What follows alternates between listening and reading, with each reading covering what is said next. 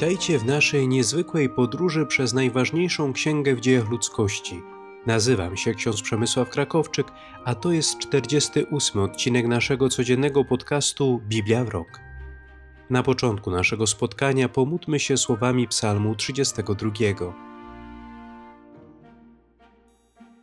Szczęśliwy ten, komu została odpuszczona nieprawość, którego grzech został puszczony w niepamięć. Szczęśliwy człowiek, któremu Pan nie poczytuje winy, w którego duszy nie kryje się podstęp.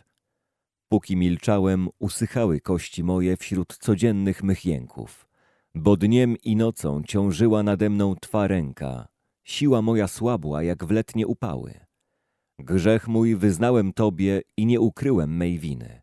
Rzekłem, wyznaję nieprawość moją wobec Pana, a Tyś darował zło mego grzechu to też każdy wierny będzie się modlił do Ciebie w czasie ucisku.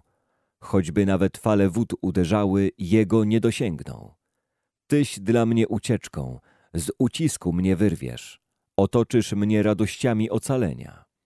Pouczę Cię i wskażę drogę, którą pójdziesz. Umocnię moje spojrzenie na Tobie. Nie bądźcie bez rozumu, niczym koń i muł, tylko wędzidłem i uzdą można je okiełznać, nie przybliżą się inaczej do Ciebie. Liczne są udręki grzesznika, lecz łaska ogarnia ufających Panu. Cieszcie się sprawiedliwi i weselcie w Panu. Wszyscy prawego serca wznoście radosne okrzyki. Za chwilę przeczytamy kolejne dwa rozdziały Księgi Liczb, 13 i 14. Mojżesz wysyła zwiadowców do ziemi Kanaan a lud zbuntuje się przeciw Mojżeszowi, żądając powrotu do Egiptu. Postarajmy się w tej lekturze dostrzec przesłanie duchowe. Lud izraelski jest prefiguracją, czyli symbolem każdego z nas. Droga nawrócenia z niewoli grzechu do wolności dzieci Bożych prowadzi przez pustynię. Często jest trudem wymagającym ascezy, wyrzeczenia. W trakcie drogi możemy napotkać pokusę zniechęcenia lub tęsknoty za dawnym grzesznym życiem. Tylko trwanie w procesie nawrócenia może nas doprowadzić do pełni wolności, do naszej ziemi obiecanej. Odezwał się znowu Pan do Mojżesza tymi słowami. Poślij ludzi, aby zbadali kraj Kanaan, który chce dać synom Izraela. Wyślecie po jednym z każdego pokolenia ich przodków tych wszystkich, którzy są w nich książętami. Wysłał ich więc Mojżesz zgodnie z rozkazem Pana z pustyni Paran, a byli ci mężowie wodzami Izraelitów. A oto ich imiona. Z pokolenia Rubena Szammua, syn Zakura. Z pokolenia Symeona Szafat, syn Choriego. Z pokolenia Judy Kaleb, syn Jefunnego z pokolenia Issachara Jigeal, syn Józefa. Z pokolenia Efraima Ozeasz, syn Nuna. Z pokolenia Benjamina Palti, syn Rafu. Z pokolenia Zabulona Gadiel, syn Sodiego. Z pokolenia Józefa. Z pokolenia Manasesa Gadi, syn Susiego. Z pokolenia Dana Ammiel, syn Gemaliego. Z pokolenia Asera Setur, syn Miszaela. Z pokolenia Neftalego Nachbi, syn Wawsiego. Z pokolenia Gada Geuel, syn Makiego. Oto imiona mężów, których Mojżesz posłał celem rozpoznania kraju. Ozeaszowi, synowi Nuna, dał później Mojżesz imię Jozue. Mojżesz posłał ich celem zbadania ziemi Kanaan, mówiąc Idźcie przez Negeb, a następnie wstąpcie na góry. Zobaczcie, jaki jest kraj, a mianowicie jaki lud w nim mieszka. Czy jest silny, czy też słaby. Czy jest liczny, czy też jest go mało. Jaki jest kraj, w którym on mieszka. Dobry czy zły. I jakie miasta, w których on mieszka. Obronne czy bez murów. Dalej, jaka jest ziemia. Urodzajna czy nie. Zalesiona czy bez drzew Bądźcie odważni i przynieście coś z owoców tej ziemi. A był to właśnie czas dojrzewania winogron. Wyruszyli więc i badali kraj od pustyni Sin aż do Rechob, u wejścia do Hamat. Ciągnęli przez Negeb i przybyli do Hebronu, gdzie przebywali Achiman, Szeszaj i Talmaj, Anakici. Hebron został zbudowany siedem lat wcześniej niż Soan w Egipcie. Przybyli aż do doliny Eszkol. Tam odcięli gałąź krzewu winnego razem z winogronami i ponieśli ją we dwóch na drągu. Do tego zabrali jeszcze nieco jabłek, granatu i fig. Miejsce to nazwano Doliną Eszkol ze względu na winogrona, które tam Izraelici odcięli. Po czterdziestu dniach wrócili z rozpoznania kraju. Przyszli na pustynię Paran do Kadesz i stanęli przed Mojżeszem i Aaronem oraz przed całą społecznością Izraelitów. Złożyli przed nimi sprawozdanie oraz pokazali owoce kraju. I tak im opowiedzieli. Udaliśmy się do kraju, do którego nas posłałeś. Jest to kraj rzeczywiście opływający w mleko i miód, a oto jego owoce. Jednakże lud, który w nim mieszka, jest silny, a miasta są obwarowane i bardzo wielkie. Widzieliśmy tam również Anakitów. Amalekici zajmują okolice Negebu. W górach mieszkają Hittyci, Jebusyci i Amoryci. Kananejczycy wreszcie mieszkają nad morzem i nad brzegami Jordanu. Wtedy próbował Kaleb uspokoić lud, który zaczął się burzyć przeciw Mojżeszowi i rzekł Trzeba ruszyć i zdobyć kraj. Na pewno zdołamy go zająć. Lecz mężowie, którzy razem z nim byli, rzekli Nie możemy wyruszyć przeciw temu ludowi, bo jest silniejszy od nas. I rozgłaszali złe wiadomości o kraju, które zbadali, mówiąc do Izraelitów. Kraj, który przeszliśmy, aby go zbadać, jest krajem, który pożera swoich mieszkańców. Wszyscy zaś ludzie, których tam widzieliśmy, są wysokiego wzrostu. Widzieliśmy tam nawet olbrzymów. Anakici pochodzą od olbrzymów, a w porównaniu z nimi wydaliśmy się sobie jak szarańcza i takimi byliśmy w ich oczach. Wtedy całe zgromadzenie zaczęło wołać, podnosząc głos. I płakał lud owej nocy. Izraelici szemrali przeciwko Mojżeszowi i Aaronowi.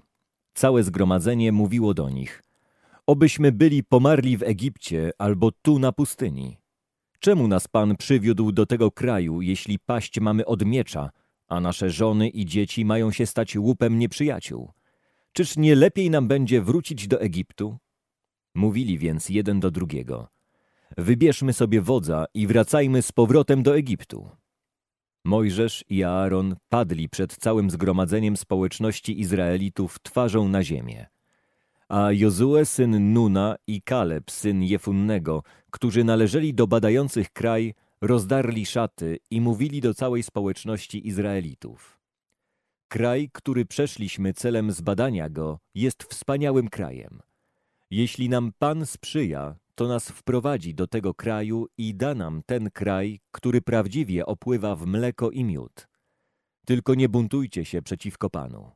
Nie bójcie się też ludu tego kraju, gdyż ich pochłoniemy. Obrona od niego odstąpi, a z nami jest przecież Pan. Zatem nie bójcie się ich.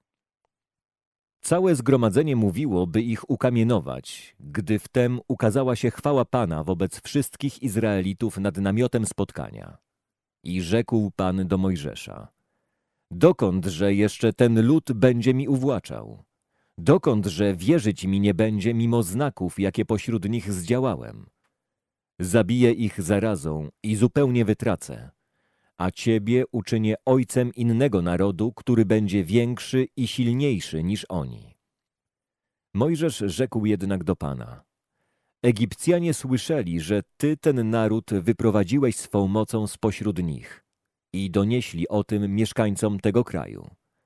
Słyszeli oni, że Ty, Panie, przebywasz pośród tego narodu i bywasz widziany twarzą w twarz, że Twój obłok stoi nad nimi, że Ty wśród dnia idziesz przed nimi w słupie obłoku, a w nocy w słupie ognistym.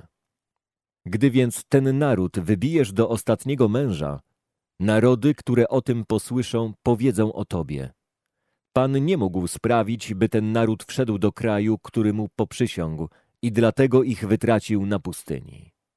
Niech się okaże, Panie, cała Twoja moc, jak przyobiecałeś, mówiąc Pan nieskory do gniewu, bogaty w łaskę, przebacza niegodziwość i grzech, lecz nie pozostawia go bez ukarania, tylko karze grzechy ojców na synach do trzeciego, a nawet czwartego pokolenia. Odpuść więc winy tego ludu według wielkości Twego miłosierdzia, tak jak znosiłeś ten lud od Egiptu aż dotąd. I odpowiedział Pan, odpuszczam zgodnie z Twoim słowem, lecz na moje życie napełni się chwałą Pana cała ziemia. Wszyscy, którzy widzieli moją chwałę i znaki, które działałem w Egipcie i na pustyni, a wystawiali mnie na próbę już dziesięciokrotnie i nie słuchali mego głosu, ci nie zobaczą kraju, który obiecałem pod przysięgą ich ojcom. Żaden z tych, którzy mną wzgardzili, nie zobaczy go. Tylko słudze memu Kalebowi, który ożywiony innym duchem okazał mi pełne posłuszeństwo, dozwolę wejść do kraju, który już przewędrował i potomstwu jego dam go w posiadanie. Amalekici i Kananejczycy mieszkają w dolinie. Jutro zawrócicie i pociągniecie na pustynię w kierunku Morza Czerwonego. Pan przemówił znów do Mojżesza i Aarona i rzekł – jak długo mam znosić to przewrotne zgromadzenie szemrzące przeciw mnie? Słyszałem szemranie Izraelitów przeciw mnie. Powiedz im, na moje życie, wyrocznia Pana, postąpię z wami według słów, które wypowiedzieliście przede mną.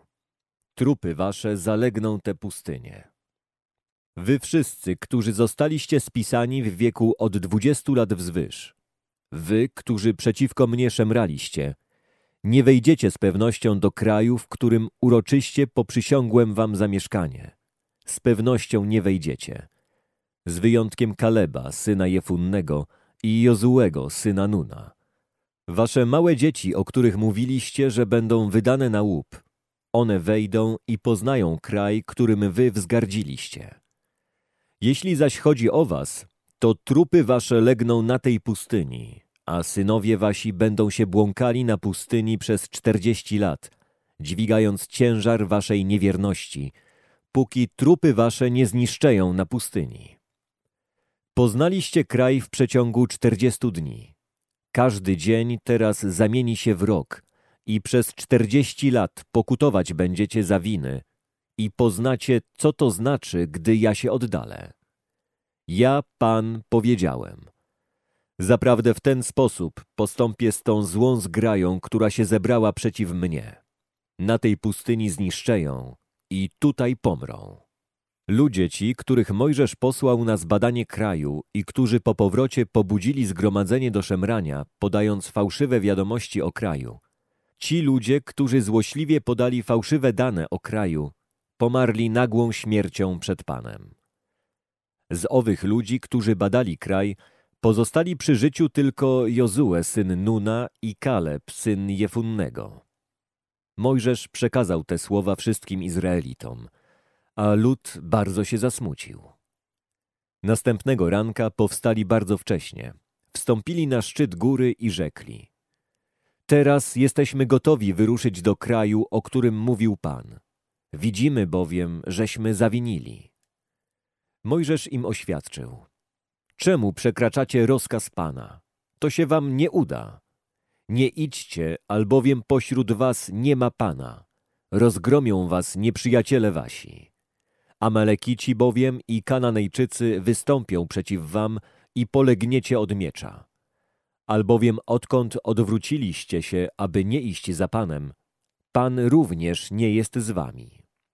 Oni mimo wszystko trwali uparcie przy swoim zamiarze, aby ruszyć ku szczytowi góry. Jednak Arka Przymierza Pana i Mojżesz nie opuścili swego miejsca pośród obozu. Wtedy zeszli Amalekici i Kananejczycy mieszkający na tej górze. Pobili ich i rozproszyli aż do miejscowości Horma.